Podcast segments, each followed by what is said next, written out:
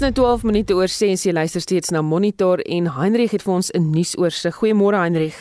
So dan goeiemôre. Ons begin met landbounuus en die jongste uitgawe van Landbou Weekblad waar onder meer berig word oor die verwoestende uitwerking wat COVID-19 op die wyn en garsboere het en dit is natuurlik weens die alkoholverbod. Maar terselfdertyd word daar berig oor die land se sitrusuitvoerbedryf wat uitstekend vaar en dan boonop goeie vooruitsigte het weens Brexit. Beeldse hoofstorie vanoggend, lei Zuma kan Zondo nie vryspring nie. Dit is na aanleiding van die konstitusionele hof se bevel gister dat die oud-president wel voor die kommissie na staatskaping moet verskyn en vra moet beantwoord en selfs al kan hy sy swygreg uitoefen, kan dit vir hom probleme veroorsaak. Zuma is ook gelas om die koste van die hofgeding te betaal. Die burgers se hoopopskrif het ook met Zuma te doen. Dit sê slegte week vir Zuma. Dit gaan enerzijds oor die konstitusionele hof se uitspraak, maar ook oor die verdoemende getuienis die afgelope week voor die staatskapingskommissie oor wat oor hom gelewer is en dit sluit in dat hy glo maandeliks miljoene rande uit die staatsveiligheidsagentskap se geheime geldkas sou ontvang het tot op altesaame 1 miljard rand.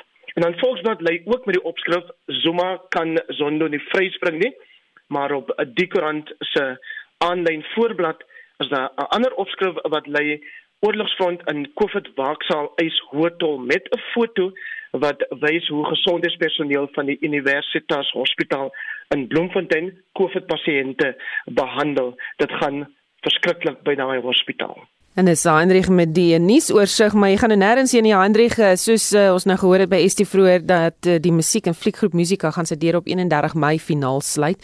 En ons gaan verder hieroor gesels vanoggend Heinrich.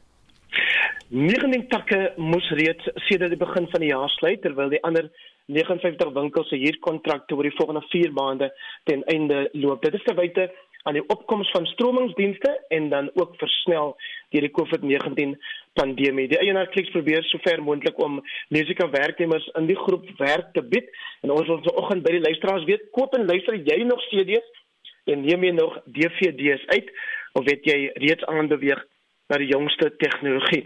Stuur ons 'n SMS na 45889 teen 150 elk of gesels saam op Monitor en Spectrum se Facebookblad. Hendrik, dalk moet jy begin nie meer luister jy nog CD's of het jy nuwe tegnologie? Ja, ek luister wel. Die stromings ding het nog glad nie aan my gebyt nie, ehm um, gevat nie. Uh, Susan, ek is 'n CD ehm um, 'n mens, hoewel ek darm ehm um, by Netflix al uitgekom het, jy weet. Maar ek sit 'n CD in my kan as ek nie radio luister nie en ek sit 'n CD hier in my CD-speler by die huis. Toe, nou sê gesels saam. Jy gebruik nog CD's, wat wat gebruik jy? Um, is die toemaak van musika vir jou 'n probleem? Dis nou kwart oor 6, damvlakke het gestyg en baie damme loop oor na goeie reën in groot dele van die land. Die tropiese storm Eloise het baie reën oor die noordooste veroorsaak. Eloise het intussen met 'n ander stelsel in Mosambiek saamgesmelt en veroorsaak heelwat reën oor die sentrale dele van die land. Vincent Mofokeng doen verslag. Die vlak van die Valdam het verlede week gestyg van 74,5% dieselfde tydperk verlede jaar tot 75% van dese week terwyl die Sterkfonteindam se vlak tot 96,4% gestyg het. Die departement van water en sanitasie se woordvoerder, Sputnik Ratau, sê die Bloemhofdam staan tans op 109,6%. Verlede jaar die tyd was sy vlak 78,3%. In KZN, we have seen an overall increase in a number of dams where an example of the Pongola port it's standing at uh, 40.3 which is slightly higher than the 39.8 it was a week ago. The very critical Spring Grove dam around the the Pietermaritzburg uh, towards the Moy River area it's standing at about 70.7% which is still higher than the 69.1% it was at a week ago. Hudertro which we know that is not just um, a dam uh, for for KZN, but it also affects a number of systems. We were uh, in, in in both the provinces of, in particularly KZN, it's standing at 62.9, slightly, slightly, ever slightly higher than where we were a year ago. But when we look at Spionkop, it's well over 100%. Wachendrift is also over 100%. En in Mpumalanga is baie damme propvol.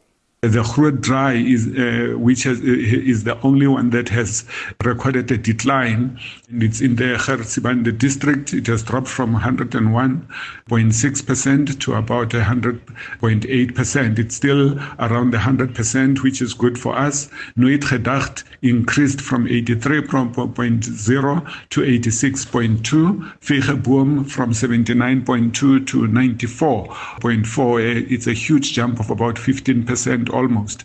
Jericho has also risen a bit. Vesto has risen quite uh, dramatically from 34.7 to 41.9, whereas Morgenstond has also moved from 44% to 46.3, with Bladerpoort uh, Dam increasing uh, right way above the 100% to 105%. Beffels Kloof uh, is all, already over 100% as well from 77.1. Driekoppies has risen also dramatically from 67 by a whopping almost 17% to 84.8%. In Limpopo, wat ook deur Alois beïnvloed is, het die provinsiale gemiddeld na 64,7% gestyg. The Luvuvu uh, water supply system in the area of Toyando, uh, which is supplied by the Luvuvu uh, River, has moved up from 104% a week ago to 106. The nearby dams have also followed suit within Jalele, climbing from 70.1 to an incredible 104.1%. Nwanezi has, has risen as well, uh, way above the 50% from 47.9 to 102.6. Lupe has surged up from 78.8 to 102.8. We know that the, the Whoop Dam that is in the Stillport uh, River to the east of, of the province has, has dropped slightly from 90.5 to 90.3, while Flag Bushielo uh, in the Olifants River part of the Polokwane water supply system is standing at 80.2%. Dit was die departement van water en sanitasie se woordvoerder, Sputnik Ratau. Ek is Vincent Mufokeng vir SAK nuus. Terwyl onlangs 'n swaar reën ernstige skade in landbougemeenskappe in ander dele van die land aangerig het, het boere in Noordwes dit verwelkom. Sommige het tot 200 mm reën op hulle plase gemeet, dubbel soveel as sedert die droogte in 2011 begin het. Heinrich Weingart het die besonderhede. Davie Maree van Sannies Hof boer met mielies en sonneblomme. Wat reënval betref, het hy 'n goeie begin van die jaar beleef, sê hy. 'n Groot voordeel van die seisoen is dat ons uh boeregemeenskap die plantproses vroeg uit die blokke uit gekry het. Waar ons ander jare dalk sukkel om klaar te plant, veral die mielies het, het ons betyds in die grond gekry. Ons het so 'n bietjie spook so 'n bietjie teen die einde om die sonneblom in betyds in te kry, maar die milies is regtig het ons vir 'n slag betyds in en dit lyk goed. Met dit dat nog reën verwag word, glo Maree dat dit net beter sal gaan. Dit lyk soos 'n goeie jaar hierdie jaar. Ons het laas jaar 'n goeie jaar gehad in die Wes-Transvaal. Dit lyk baie belovend hierdie jaar. Die reënval lyk goed. Die ondervolg is goed. Uh die mieliepryse is goed. Die weervoorspelling, langtermyn weervoorspelling lyk goed. So ons is baie optimisties dat uh ons weer 'n goeie jaar gaan hê uh, wat ons boere dan baie nodig het. Die provinsiale voorsteur van die Transvaal Landbou Unie, John Rankin sê, die provinsie het noemenswaardige hoë reënvalsyfers as die langtermyn gemiddelde gemeet. Dit voel nou vir hulle byna asof hulle in KwaZulu-Natal boer. Ons het seker so 'n bietjie oor die 200 mm al gekry vir hierdie jaar. So dit is dit is redelik baie meer as in die vorige paar jare. Ons ek wil amper sê ons het meer as dubbel gekry as in die droogte en dis redelik bo ons gemiddeld of langtermyn gemiddeld. So ons is ons is nie gewoond hieraan nie. Dit voel of ons 'n Natal boer op die stadium. Verlede jaar het ons 'n redelike laat reën gekry. So hierdie tyd van die jaar was ons mielies amper die helfte van hierdie hoogte wat hulle nou vandag hier is. So uh ons het vanjaar eintlik gesukkel om oor die mielies te kom om al ons stikstof te gee. Die goed het vreeslik vinnig gegroei met die vreeslike of die goeie reën en die goeie dae wat ons gekry het en ons is eintlik gevang op die ou ene dat ons nie oor alles kon kom en genoeg stikstof gegee het nie. So dis 'n baie lekker probleem om te hê vanjaar. Boere hier het nou selfs meer rede om te glimlag met die plaaslike prys van wit en geel mielies wat onderskeidelik met 2% en 3,5% week na week gestyg het. Dit bied aan hulle die hoop dat vanjaar se opbrengste hulle sal help om gelyk te breek. Hierdie verslag deur Mpo Lepedi in Sannieshof en ek is Hendrik Weingart vir SAK nuus.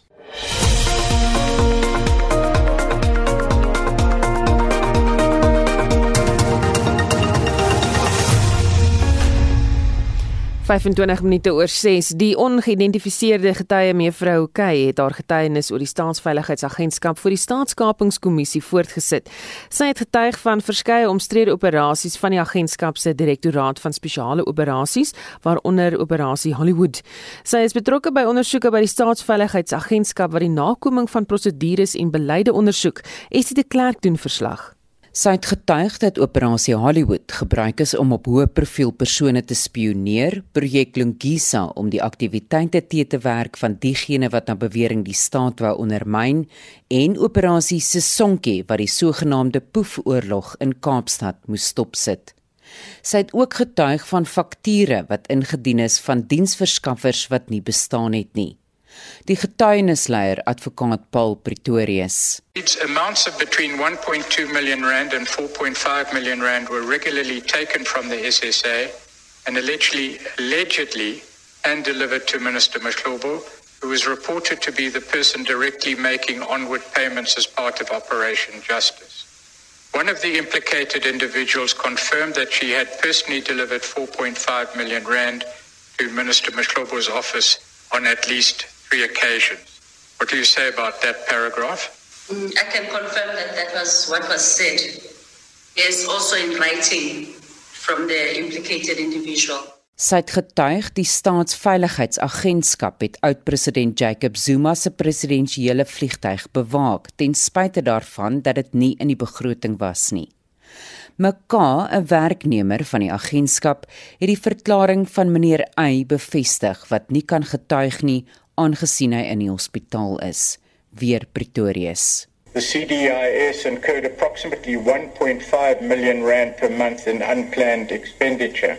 Given that the entire CDIS operational budget for 25 2015-2016 and 2016-2017 financial years was 48 million and 38 million respectively, This means that almost 40% of the CDI's budget was redirected from other operational activities in order to meet the requirements of this project for the alleged protection of the presidential aircraft. Die getuienis oor die kaping van die staatsveiligheidsagentskap duur vandag voort.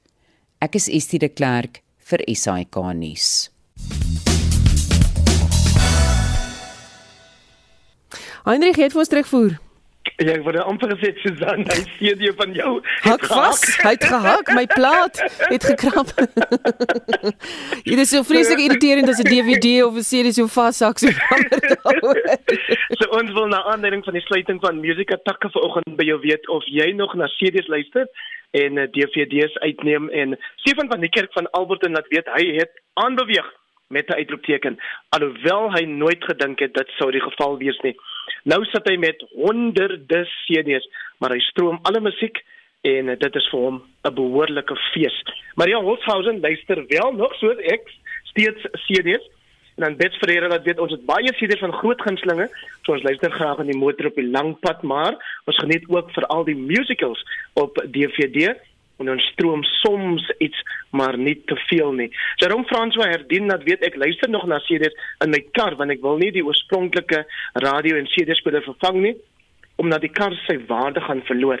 Verder luister ek na RSG en dan noem hy ook 'n Kaapse Christelike Gemeenskapsradiostasie waarna hy luister. Susan Koster sê dit is jammer dat dit met kunstenaars gebeur as ook al die personeel wat nou werkloos gaan wees hoewel Clicks mos daarom aangedui dat hulle gaan probeer om die meeste van die musieke werknemers uh op ander plekke te akkommodeer.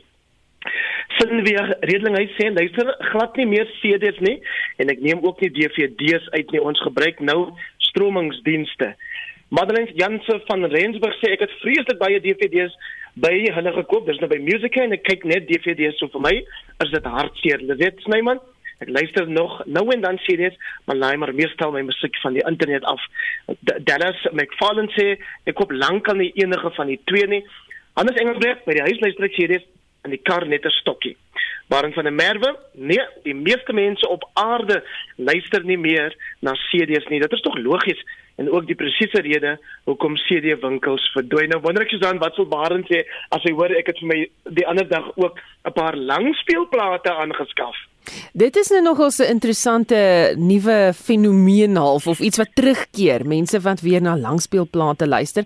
Ek's nou nogal se spyt dat um, ek nie destyds toe my pa sy plate weggemaak het en my ma hulle plate weggemaak het dit gevat het nie want hulle het interessante mooi. Hulle het nog onthou jy Pop Shop die plate. Ja ja ja ja ja ja. Ja ja. ja. En Dr. Malan het ons gesê neem uit die verlede dit wat goed is. en dit was een van die goeies geweest. Nou ja, mense kan nog saamgesels, nee Hendrik.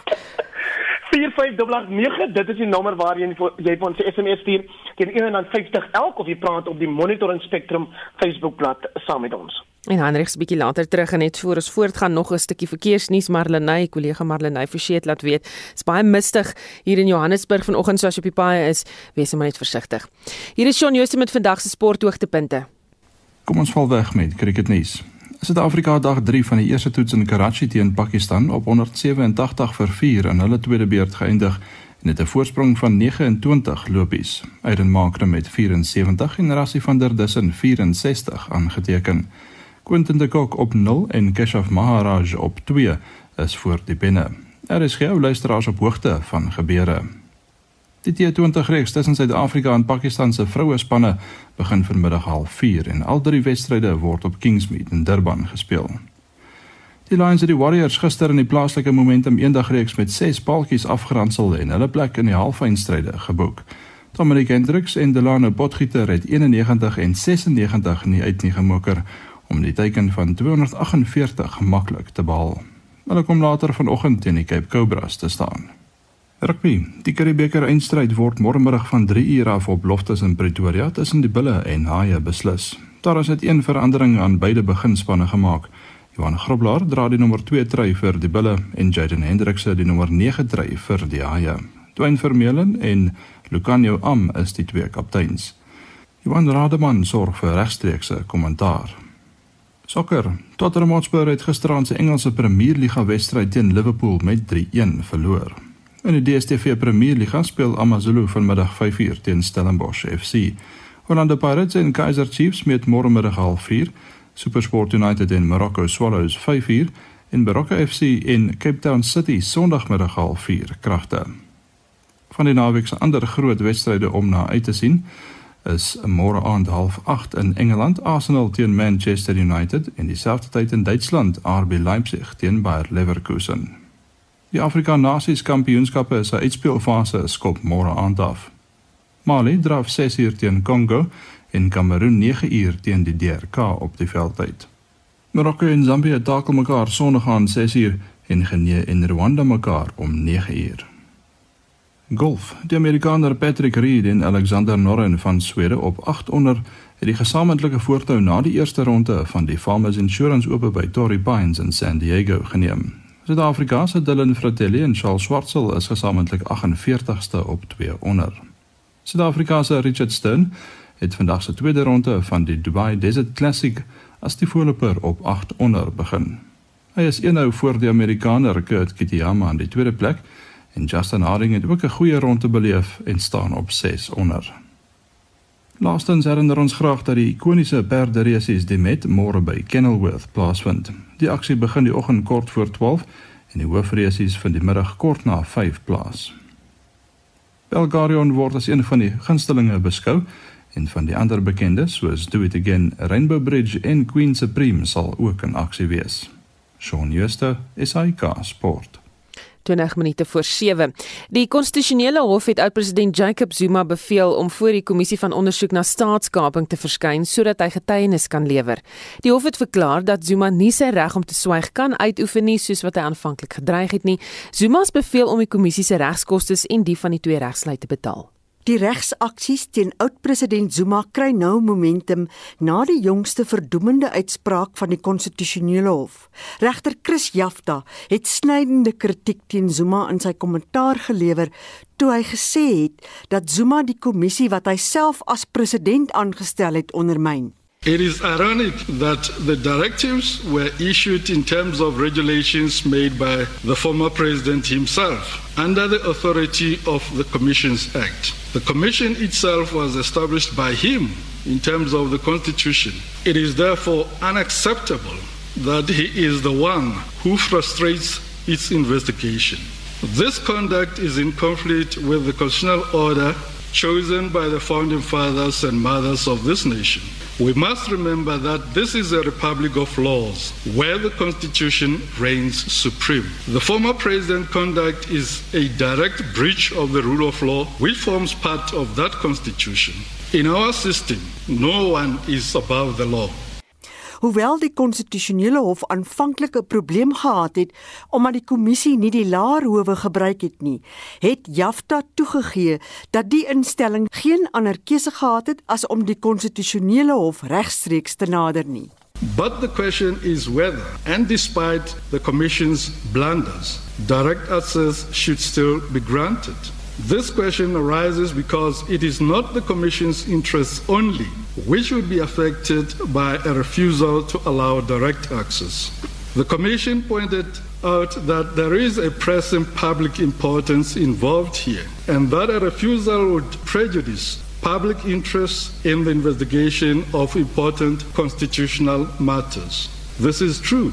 The former president is firmly placed at the center of investigations, which include that he had surrendered constitutional powers to unelected private individuals.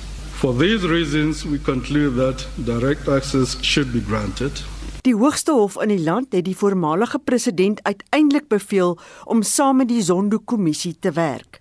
Mr. Jacob Gelehleki Sazuma is ordered to obey all summonses and directives lawfully issued by the Judicial Commission of Inquiry into allegations of state capture. Mr. Jacob Gelehleki Sazuma is directed to appear and give evidence before the Commission on dates determined by it. It is declared that Mr. Jacob Gelehleki Sazuma does not have a right to remain silent in proceedings before the Commission. Mr. Jacob Gedlehleke Zuma must pay the Commission's costs in this court, including costs of two counsel. I hand down the judgment. Oud-president Zuma het verlede jaar sonder toestemming van die voorsittende beampte die kommissie se verrigtinge verlaat toe sy aansoek vir onttrekking misluk het. Hy het die saak intussen op appel geneem. Die kommissie wil hê Zuma moet verskyn om beweringe teen hom deur meer as 30 getuies te beantwoord. Ntebo Mkobo van ons politieke redaksie het hierdie verslag saamgestel. Mitsi van der Merwe, SAK-nuus. President Cyril Ramaphosa, die bekende ontleder Dr. Samodada Fokeni as die nuwe hoofkommissaris van die Staatsdienskommissie aangestel. Dit is vir 'n aanvanklike termyn van 5 jaar. Ons praat nou hieroor met 'n kenner op die gebied van openbare leierskap, professor Erwin Schwella. Goeiemôre Erwin. Môre Susan, môre luisteraars. Kom ons kyk eers wat is die rol van die Staatsdienskommissie?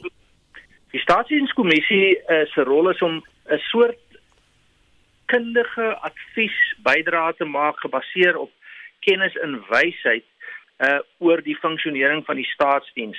Dis ingestel in terme van die grondwet, uh, artikel 196 en daar's baie bepaalde doelstellings daarmee. Dit moet um op verskillende vlakke moniteer en evalueer hoe vaar die staatsdiens ten einde te verseker dat ons 'n professionele staatsdiens het wat op 'n etiese en effektiewe manier optree. Nou ja, ehm um, daarvoor uh, is daar dan die staatsdienskommissie wat ingestel is en uh, dokter ehm uh, ehm um, Kenny is nou aangestel as die kommissaris wat in beheer sal wees van die staatsdienskommissie. Hoe lyk die kommissie se prestasierekord die afgelope klompie jare? Dit is 'n uh, moeilike een. Ehm um, daar daar was al uh, baie goeie dinge wat uit die kommissie voortgespruit het. Die kommissie het nie eintlik vreeslike tande nie. Die kommissie het nie afdwingingsgesag nie. Kan meestal maar aanbevelings maak, raad gee, uh, probeer om rigting te gee. Ehm um, daar is al baie goeie werk binne die kommissie gedoen. Maar uiteindelik dink ek is dit sodat ehm um, gegee word die verpolitisering van staatsinstellings in Suid-Afrika Die veronderstelling is is dat die kommissie behoort eintlik 'n professionele staatsdiens te bevorder, maar dit word toenemend en altyd byna gepolitiseer en in terme van daai politisering kry mens dan dat daar nie eintlik genoeg onafhanklikheid is nie en dit op een of ander manier ook vatbaar is vir hierdie verskynsel van politieke inmenging en uiteindelik politieke dienstigheid. Is jy verbaas dat iemand wat bekend is as 'n akademikus en openbare politieke kommentator nou in 'n waghondrol vir die staat aangestel is? Kyk, uh, daar daar was al vorige ehm uh, um, kommissielede en ook voorsitters van die kommissie uh, wat ook baie sterk akademiese agtergrond gehad het. Uh, Byvoorbeeld professor uh, Levine. Ehm um, en uh, dit is eintlik 'n soort plek waar 'n mens politieke insig gekoppel aan uh, beleidsbegrip en terselfdertyd tyd ook 'n uh, baie goeie kundigheid, professionele kundigheid oor openbare administrasie moet hê. So um, in die geval is Dr. Fikeni um, eintlik 'n goeie aanstelling um, as jy mens kyk ook na sy agtergrond en dat hy oor tyd homself wel al onafhanklik uitgespreek het. Uh, dit mag dus wees dat hy nie in die strik sal strap, sal trap van ehm um, uh, oormatige politieke dienstigheid en korrektheid nie. Ek wou nou vir jou gevra het wat meen jy maak vir Kenny geskik vir die pos en dink jy dalk hierdie is 'n poging om vir Kenny omdat hy so homself onafhanklik uitspreek om hom dalk effens stil te maak? In terme van die kommissie se mandaat en opdrag wat 'n grondwetlike mandaat en opdrag is, behoort dit nie te gebeur nie. Uh, dit wil tog lyk asof dit 'n uh, tendens wat stadig maar seker meer duidelik word, ehm um, bevestig dat daar 'n poging is om meer onafhanklikheid aan hierdie instellings te gee.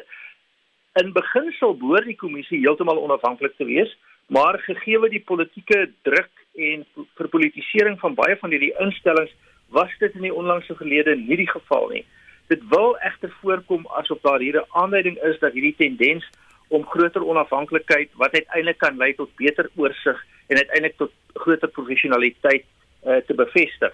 So kom ons hoop nou maar dat dit die geval is want dan kan ons dalk 'n beter funksionerende staatsdiens kry ook as gevolg van 'n kleinerige bydrae van die kommissie.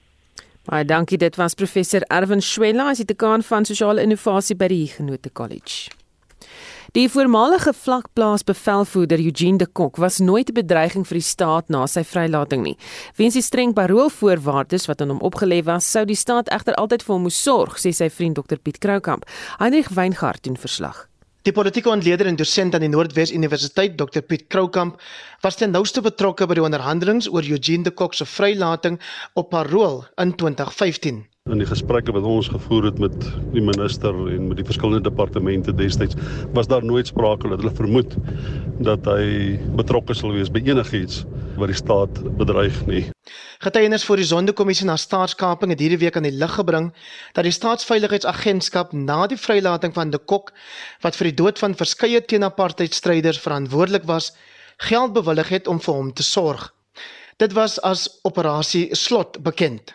Kroukamp het 'n verklaring hiervoor. Eugene is opgesit in 'n huis van staatsveiligheid en daar was wagte en vir 'n tyd was daar 'n bepaalde maandelikse toelaag betaal terwyl hy vir sy oorlewing hy met die aard van saak met hy medies kry hy moet uh, na homself omsien hy met sy eie kos gekoop het hulle die huisvesting voorsien en uh, omdat hy nog steeds onder parole is 'n baie spesifieke tipe parol uh, sy parol uh, ek weet nie of dit ooit opgehef gaan word nie en hy eintlik dis op 'n of ander manier deur die staat gehou word onder bepaalde omstandighede sou mens verwag dat hulle finansiëel verantwoordelikheid vir hom moet neem en ek dink dit is wat daar gebeur het. Krokamp sê die kok word steeds deur die staatsveiligheidsagentskap gehuisves en dat dit goed met hom en sy gesondheid gaan.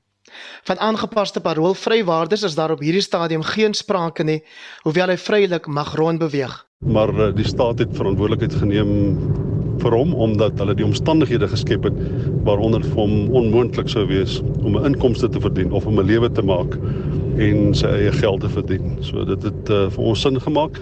Ek was nooit bewus daarvan dat staatsveiligheid op een of ander manier ingemeng het uh, daarna of probeer dit determineer het uh, hoe Eugene moet gedra of niks nie. Die parol was net 'n uh, relatief streng parol geweest soos wat hulle maar altyd onder hierdie omstandighede doen en uh, dit het vir hom baie moeilik gemaak om 'n inkomste te verdien om die waarheid sê eintlik maar onmoontlik gemaak. Dis hoekom hulle vir hom verantwoordelikheid geneem het finansiëel.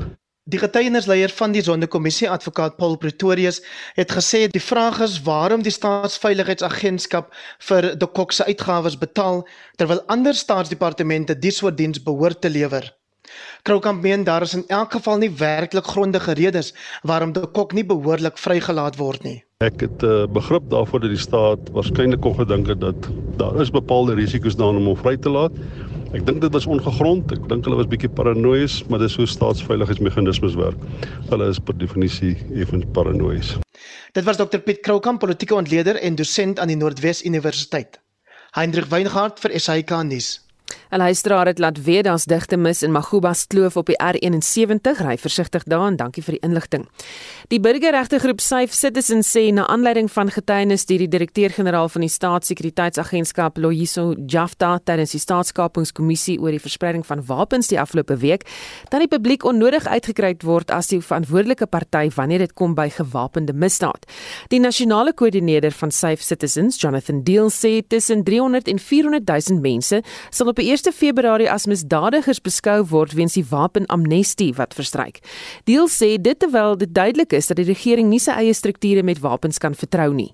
Safe Citizen, ons is uh, September laas jaar gestig. Ons is 'n burgerreg organisasie wat die man in die straat of namens die man in die straat optree en nie namens georganiseerde besighede of eintlik wapenregte organisasies nie. So dit dit draai nie alles net oor vuurwapen eienaarskap en daai opsig, maar oor die algemeen die veiligheid en sekuriteit van ons gemeenskappe in Suid-Afrika. Hoekom hierdie organisasie? Ek dink dat dit is sonder twyfel uh, lewens alle Suid-Afrikaners in 'n baie baie gevaarlike uh, gemeenskap. Moord en gewelddadige kriminele optrede is baie dikwels ons kry dit baie dikwels in enige gemeenskap elke dag. Sedert 2018 waar minister Bekkie Cele vir die parlement gesê we living in a war zone but we not at war. As ons moorde meer as 50 en partykeer nader aan 60 mense per dag in Suid-Afrika. En ek dink dit is tyd dat ons begin saam staan as 'n gemeenskap en uh, stappe neem wat ons gemeenskappe kan beveilig. Natuurlik wapeneienaarskap is definitief 'n groot deel daarvan. As u in ag neem dat tensy die polisie op die toneel op die, op die tyd is, het hulle geen kans om 'n persoon, 'n onskuldige persoon te beveilig teen 'n lewensdreigende insident. Dit was vir ons baie skokkend dat uh, ek beskou die staatssekuriteit eens uh, agentskap as een van die ehm um, institusies wat ons moet beveilig op die hoogste vlak in ons land. En die feit dat dit nou na vore kom dat dat hulle selfs wapens uitgee aan lede van die publiek of hulle vriende of hulle besigheidskollegas weet ons nie was baie skokkend. Ons het lankal geweet dat die Suid-Afrikaanse polisie, die die ehm um, Defence Force, uh gevangene uh gevangenisdienste die verskillende metro's rond en om Suid-Afrika groot getalle wapens verloor en hulle wapens word van hulle beroof. Maar nog steeds organisasies soos Gun Free South Africa wil voorgee dat dit die privaat wapeneienaars is wat die wapens verloor en dat die die wapens wat kriminele gebruik om misdaad te pleeg en moord te pleeg kom van privaat mense af en dit volgens ons is dit glad nie die saak nie. Dink julle dis regverdig dat privaat eienaars vervolg word terwyl die probleem onder die staatsdiens en die polisie en almal anders wat gemagtig is om wapens te hê nie onder beheer is nie? Ja, glad nie. En ek wil ook verwys aan die die groot probleem wat voorkom hier na die einde Januarie toe waar honderde duisende mense wat voorheen wettige vuurwapen eienaars was, net deur die bewerking van 'n wet waar die die polisie nie vir hulle toelaat om hulle vuurwapen lisensies te hernie of vir hulle 'n goeie meganisme gee om dit te doen. Nou raak hulle volgens die 1 Februarie kriminele en in besit van ongelisenseerde vuurwapens. En en dit is dit is uiters onregverdig en ek dink dit gaan 'n sekuriteitskrisis skep. Dit kan 'n sekuriteitskrisis skep in hierdie land.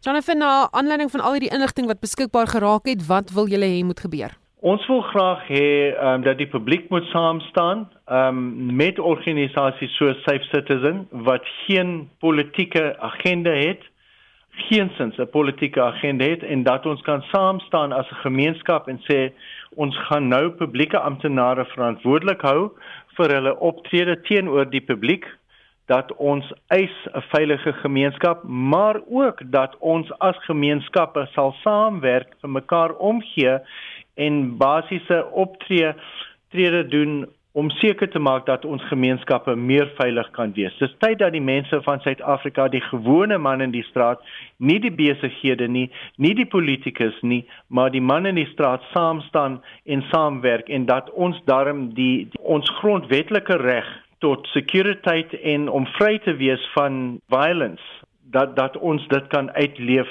en en soos wat dit beoog is in ons grondwet en dit was die nasionale koördineerder van Safe Citizens Jonathan Deal.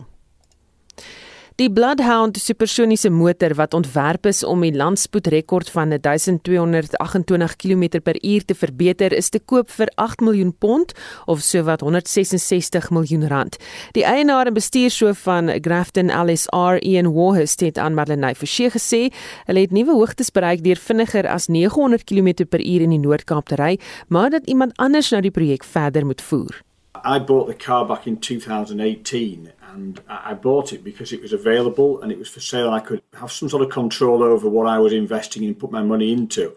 And so at this point in time, I've taken the car as far as I can do personally, financially. And I'm looking now for to give somebody else the opportunity to do exactly the same thing that I did. Um, and if that means having to sell the car, then that's what I will do. But we are getting very close on running out of time because uh, uh, if we don't get the project restarted, then we won't have time to get to the desert next year and break the record.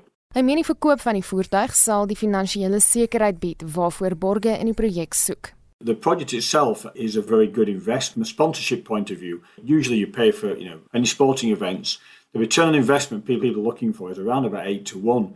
This would be a global phenomenon when it happens. The number of people that will look at this and see this from a sponsorship return on investment, then they'll be getting at least maybe 18 to 1 and beyond. I mean, we really don't know, but it's the testing we did showed that that's the order of magnitude of the return on investment. Die span bly dieselfde. From my point of view, I'm either involved if the new owner would like me to be involved, or I'm not involved. It's entirely to the, to the person that owns the car.